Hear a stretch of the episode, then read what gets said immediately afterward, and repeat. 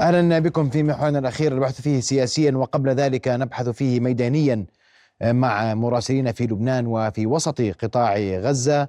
أرحب بأشرف أبو عمرو المراسل الصحفي من وسط غزة. وارحب أيضا بجوانا ناصر الدين مراسله رؤيا في لبنان. وأبدأ معك أشرف ونرغب أن تنقل لنا الصورة اليوم من وسط غزة آخر تطورات هناك الوضع الصحي الميداني وأيضا الضغوط التي يعاني منها الغزيين وسط القطاع. تفضل أشرف.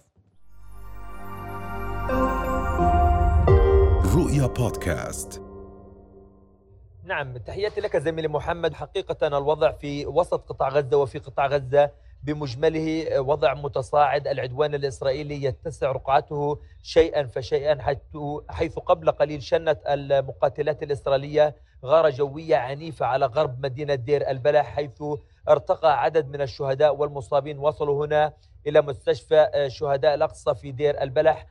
خمسة شهداء تم انتشالهم بصعوبة بالغة من تحت أنقاض هذا المنزل عائلة العرقان غرب مدينة دير البلح. وبالإضافة إلى ذلك سيارات الإسعاف والدفاع المدني تحدثوا معنا عند وصولهم إلى هنا وقالوا بأن هناك وبحسب أقرباء أصحاب هذا المنزل يتحدثون بأن هناك أعداد كبيرة جدا من المواطنين والنازحين الذين جاءوا لهذا المنزل موجودون تحت أنقاض هذه البناية السكنية التي سويت بالأرض.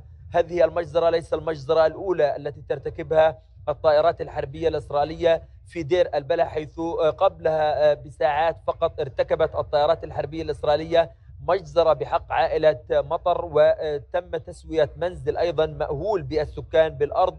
هذا الأمر أدى إلى ارتقاء ما يقارب 25 شهيد في هذه الغارة. باتجاه منزل عائلة مطر وما زالت هناك أعداد من المفقودين تحت أنقاض هذه هذا هذه البناية. هناك في مخيم المغازي وسط القطاع أيضا كان قبل المغرب بقليل. غارة عنيفة جدا على منطقة السوق وسوق المركزي في وسط المغازي. وكما تعلم زميلي محمد وجميع جميع المشاهدين بأن مخيم المغازي هو من المخيمات المكتظة بالسكان. هناك أعداد كبيرة جدا من الشهداء والإصابات. قد وصلوا هنا إلى مستشفى شهداء الأقصى جراء هذه الغارة الإسرائيلية العنيفة على مربعا سكنيا مأهولا بالسكان. حصيلة الشهداء فقط الذين وصلوا إلى المستشفى هنا وإلى قسم الاستقبال والطوارئ أكثر من 75 شهيد حتى هذه اللحظات حسب إدارة المستشفى بالإضافة إلى عشرات المصابين والذي ما زال الطواقم ما زالت الطواقم الطبية تتعامل مع بعضهم في هذه الأوقات في غرف العمليات وغرف العناية المركزة. بالإضافة أن الطائرات الحربية الإسرائيلية لم تتوقف عن شن الأحزمة النارية القوية جدا في المناطق الجنوبية لمدينة دير البلح. أما بخصوص المدفعية الإسرائيلية فهي ما بين الحين والآخر تطلق قذائفها المدفعية إلى الشرق من مخيم البريج. هناك وسط قطاع غزة بالإضافة إلى شرق دير البلح. الزوارق الحربية الإسرائيلية كان لها مشاركة قبل أقل من خمس دقائق من خروجنا على الهواء مباشرة. فقصفت غرب مخيم النصيرات بعدة قذائف من الزوارق الحربية الإسرائيلية بالإضافة أيضا إلى منطقة جنوب غرب مدينة دير البلح. كانت هناك انفجارات كبيرة سمعت بالقرب من الطريق الساحلي وهو الطريق الوحيد في هذه المرحلة الذي يصل وسط قطاع غزة بجنوب القطاع بعد التوغل الإسرائيلي في المحور الجنوبي لمدينة دير البلح. هذه الانفجارات تبين بأنها ناجمة أيضا عن إطلاق قذائف من قبل الزوارق الحربية المتواجدة في عرض البحر. هناك في وسط مخيم المغازي وبالتحديد بالقرب من منزل عائلة المدفع ما زال 40 شخص حسب أصحاب المنزل الذين تم إخراجهم ناجين من تحت أنقاض هذا المنزل. يتحدثون بأن أكثر من 40 شخص ما زالوا تحت أنقاض المنزل. الطواقم الطبية والدفاع المدني لا يستطيع في هذه الظروف التعامل مع مثل هذه يعني الحادث الحوادث.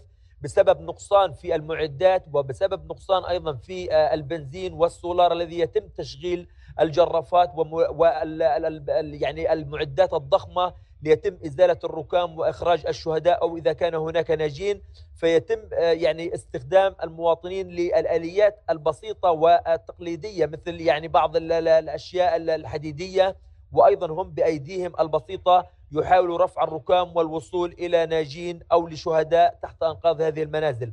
الغارات الإسرائيلية خلال الساعات الماضية كانت هي قوية جدا حتى توسيع رقعة الغارات في مدينة غزة وشمال القطاع وهناك في جنوب القطاع كان ملاحظا والغارات كانت عنيفة وهذا الامر ادى إلى ارتقاء عدد كبير من الشهداء والمصابين اشرف اذا ما تحدثنا عن قدره مستشفى شهداء الاقصى على التعامل مع كل هذه الاصابات وهذا الكم من الشهداء اشرف كيف كيف يتم معالجه هذا الامر اشرف؟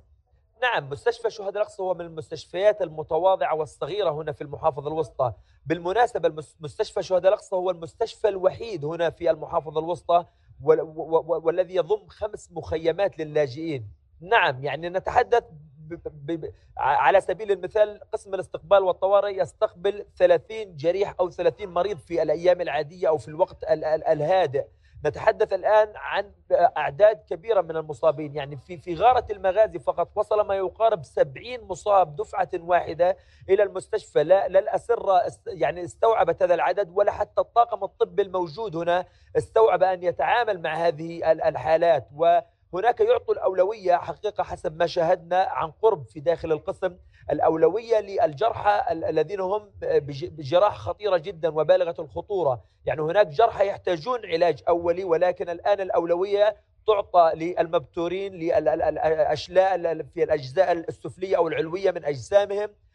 الأطباء هنا يعانون الكثير. حتى هناك بعض الإصابات قد تم عملية بتر لها في داخل قسم الاستقبال والطوارئ بدون إدخالها لغرف العمليات بدون تخدير ولا بدون تبنيج هنا من قبل الأطباء يتحدثون عن وضع آه، آه، آه، صعب جدا داخل المستشفى. حتى الأقسام مليئة جدا بالمصابين والممرات المستشفى تقتض بعشرات بل مئات المصابين الذين هم ما زالوا متواجدين هنا. إدارة المستشفى ووزارة الصحة أطلقت نداء استغاثة للمنظمات الدولية لدول العالم بضرورة التدخل لإخراج مزيد من الجرحى من قطاع غزة للمستشفيات في خارج القطاع حتى يتم إفساح المجال لمزيد من الجرحى الذين يأتوا آه، إلى المستشفيات ليتم إعطائهم العلاج اللازم لهم نعم. وهناك أيضا حالة آه، حالة حالة حالة الوضع الصحي داخل المستشفيات من الممكن أن تنهار في أي وقت لأن آه، إدارة المستشفى تتحدث أيضا بأن المولدات التي تعمل على البنزين والسولار هي مهددة بالتوقف في أي وقت.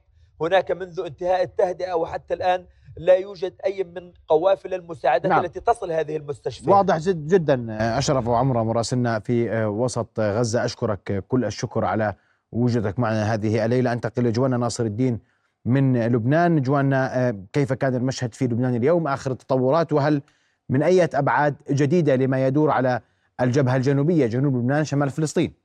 نعم مساء الخير محمد. اسمح لي أن أبدأ بما يجري الآن على أرض الميدان في الجنوب اللبناني. هناك قصف على الخيام على كفرفله على كفركله وعلى دير ميماس. ومعلوماتنا الأولية تتحدث عن إطلاق صاروخين على مستعمرة المطلي ومعلومات عن تدمير منزلين يستخدمهما جنود الاحتلال ردا على استهداف المنازل السكنية في جنوب لبنان. في اليوم ال 66 لدخول حزب الله على خط هذه المعركة يمكن أن نقول أن جبهة الجنوب أخذت بعدا آخر أو الميدان أخذ بعدا مختلفا خصوصا مع توسيع الاحتلال من رقعة وطبيعة أهدافه واستخدامه الصواريخ والمدفعية الثقيلة واستخدامه منازل المدنيين واستهدافها. وبالتالي اليوم لم يختلف عما سبقه خصوصا من الأيام الماضية إذ بدأ منذ صباح اليوم بإطلاق ثمانية صواريخ على الجليل الأعلى والجليل الغربي. حزب الله بدوره استهدف أكثر من خمسة مواقع إسرائيلية وتجمعات للجنود إن كان في تكنة برانيت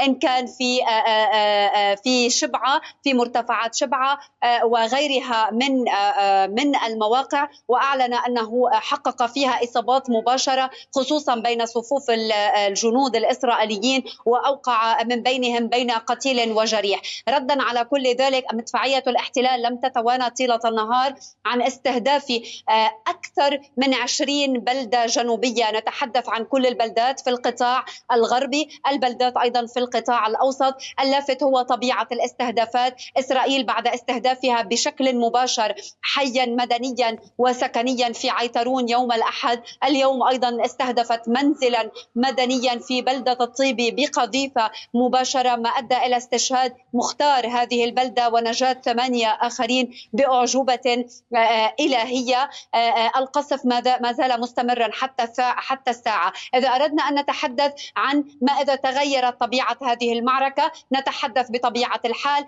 أنه انتقلنا من قواعد اشتباك كنا اعتدنا عليها في أيام طويلة إلى قواعد اشتباك مختلفة خصوصا مع توسع رقعة هذه الاشتباك مع استهداف مناطق في العمق اللبناني وبالتالي العمليات النوعية التي يشنها حزب الله على المواقع الإسرائيلية على تجمعات للجنود على منازل يستخدمها جنود الاحتلال. الإسرائيلي. ما جرى في عيترون لم يكن لم يكن محض يعني يمر هكذا لأن هناك استهداف بطبيعة الحال للمنازل السكنية. هناك حي بأكمله مدمر في عيترون وحزب الله بطبيعة الحال سيرد على هذه الاعتداءات بعمليات نوعية تستهدف بشكل مباشر الجنود الإسرائيليين أكثر من المواقع التي كان يستهدفها في السابق. أشكرك كل شكر جوانا ناصر الدين. كنت معنا مباشرة من بيروت. أطلعتينا على آخر التطورات على الجبهة الجنوبية بين لبنان وفلسطين المحتلة. شكرا جزيلا لك جوانا. أرحب بضيفي المحلل السياسي عمران الخطيب. أستاذ عمران مساء الخير. مساء النور. وأنا قبل أن أذهب للتعليق على غزة وما يحدث في غزة وأيضا جبهة شمال فلسطين جنوب لبنان أريد أن أركز على نقطة أساسية اليوم وهي ما حدث يوم أمس في الكابينة الإسرائيلي. ورفض منح السلطة حقوقها المالية إن صح التعبير في وسيلة ضغط جديدة يضيفها الاحتلال إلى كل وسائل الضغط التي يتابعها فعلى أهلنا في الضفة الغربية وعلى قطاع غزة. يعني منذ هذا الشهر الثالث الجانب الإسرائيلي وهو يقوم بعملية قرصنة لأموال السلطة الوطنية الفلسطينية وهذه ليست المرة الأولى. ففي السابق قام باقتطاع جزء كبير من موازنة السلطة الفلسطينية من أموال الضرائب الفلسطينية تحت بند أن السلطة الفلسطينية تقوم بصرف الرواتب للشهداء والأسرى والجرحى في داخل الأرض المحتلة. فمنذ ذلك الوقت تم اقتطاع جزء من هذا المبلغ. اليوم في في الشهر الأول من العدوان على قطاع غزة الجانب الإسرائيلي والوزير المالية الإسرائيلية عملوا على اقتطاع الجزء الذي تقوم بصرفه السلطة الوطنية الفلسطينية والبالغ على ما أعتقد 141 مليون شهريا. هذا من واجبات السلطة تقوم فيها منذ سنوات طويلة. تم اقتطاع هذا المبلغ وبالتالي الرئيس الفلسطيني أبو مازن رفض أن تتسلم السلطة هذه الأموال منقوصة. وبالتالي نحن نمر بالشهر الثاني ولم يتم دفع الرواتب والمخصصات. وتم صرف قبل أيام بقرض من البنوك نصف راتب يعني عن مدة الشهرين لقطاع غزة بدأها الرئيس وفي الضفة الغربية وكذلك الأمر في القطاعات الأخرى. تم صرف نصف راتب. هذا نتيجة العقوبات التي تفرضها إسرائيل على السلطة الوطنية الفلسطينية. والسبب الرئيسي في ذلك العقوبات أن القيادة الفلسطينية والرئيس الفلسطيني على وجه التحديد رفض إدانة آه، العملية التي قامت يوم السابع من أكتوبر. بل على العكس من ذلك اعتبر أن الشعب الفلسطيني آه، يقوم في عملية الدفاع عن النفس. هذا كل ما حدث. ستبقى الأمور على حالها من من وجهة نظرك؟ لأنه اليوم هذا يشكل ضغط على بعتقد آه، إنه الجانب الفلسطيني في الضفه الغربية وقطاع غزة. إنه الجانب الإسرائيلي مستمر في عملية الضغط على السلطة الوطنية الفلسطينية. وبعتقد والمطلوب يعني خلال القمة العربية الإسلامية التي انعقدت في الرياض أن تكون هناك شبكة أمان مالية عربية تتوفر لدولة فلسطين ليس السلطة بل دولة فلسطين حتى تقوم بواجباتها نحو الشعب الفلسطيني في الضفة الغربية وفي قطاع غزة وفي أماكن الشتات. حيث أن السلطة تتحمل كلفة كبيرة على شعبنا الفلسطيني وعلى المؤسسات سواء في الضفة الغربية أو في قطاع غزة التربية والتعليم الصحة والشؤون الاجتماعية والرواتب والمتقاعدين وما إلى ذلك. للسلطة عليها دور مهم. وبالتالي تتم ممارسة هذا الضغط وهذا الابتزاز من حكومة إسرائيل. ومن الإدارة الأمريكية يعني الإدارة الأمريكية تستطيع بمعنى بشحطة قلم أن تجبر الحكومة الإسرائيلية حكومة نتنياهو بصرف هذه الأموال. ولكن هي تريد أن تستخدم استمرارية هذا النوع من الابتزاز من أجل تحصيل بعض المواقف من قبل السلطة الفلسطينية وهو يتحمل الآن عقوبات لأنه حتى هذه اللحظة وفي كل اللقاءات التي جرت مع وزير الخارجية الأمريكية رفض الرئيس الفلسطيني والسلطة الفلسطينية إدانة ما حدث يوم السابع من أكتوبر. وبالمناسبة يعني السابع من أكتوبر أنا في وجهة نظري إنه حادث السابع من أكتوبر لو لم يحدث فإن إسرائيل ماضية في العدوان على الشعب الفلسطيني تماما وهذا يذكرني في الاجتياح الإسرائيلي 82 يعني الاجتياح الإسرائيلي عام 82 كان الهدف منه أنه ردا على عملية اغتيال لأحد الدبلوماسيين الإسرائيليين في لندن وفي باريس.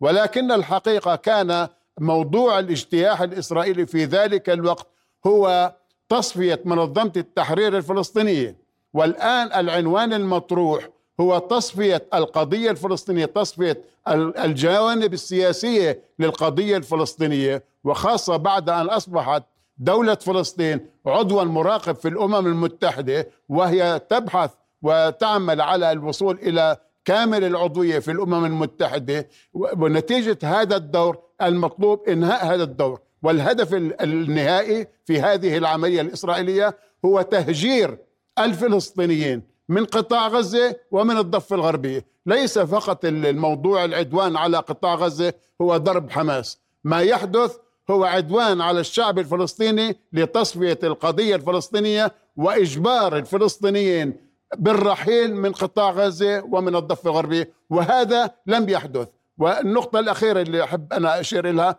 بأنه حتى لو تمكنت سلطات الاحتلال وقد تتمكن بالقوة العسكرية اللي عندها أنها تحتل قطاع غزة ولكن ذلك الأمر لن ينهي الصراع يعني ونتذكر جميعا أنه في العدوان 67 حتى عام ال 71 استمرت المقاومة الفلسطينية بعملياتها سواء حركة فتح أو الجبهة الشعبية أو قوات التحرير الشعبي في ذلك الوقت وبقيت تمارس هذا النضال المسلح حتى حتى يومنا الحاضر. اذا المقاومة لن تنتهي حتى لو أجهزت إسرائيل على احتلال كامل قطاع غزة. برأيك كيف مشكل القادم كيف سيكون؟ المشهد القادم لا يوجد بالأفق أي حل سياسي مع الاحتلال الإسرائيلي.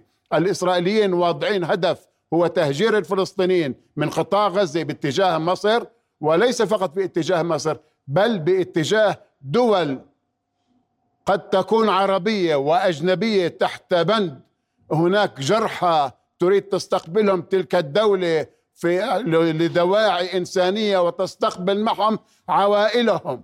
وبالتالي هناك مخطط إسرائيلي لتهجير العدد الأكبر من الأهالي قطاع غزة. وهذا سينعكس أيضا في على داخل الضفة الغربية والإجراءات التي تقوم بها سلطات الاحتلال الإسرائيلي غير مسبوقة في مدن الضفة الغربية من استخدام الطيران والمدفعية والصواريخ وطائرات الأباتشي. هذه عملية تهجير قسري إجباري متدرج للفلسطينيين. ولكن المشهد الذي أنا أراه أن الشعب الفلسطيني سواء في قطاع غزة أو في الضفة الغربية هو ثابت على أرضه. والجميع بجوز شاهد على التلفزيون والفضائيات أن خلال هذا العدوان على قطاع غزة أن هناك مئات العائلات كانت عائدة من جمهورية مصر العربية باتجاه قطاع غزة رغم العدوان المتواصل.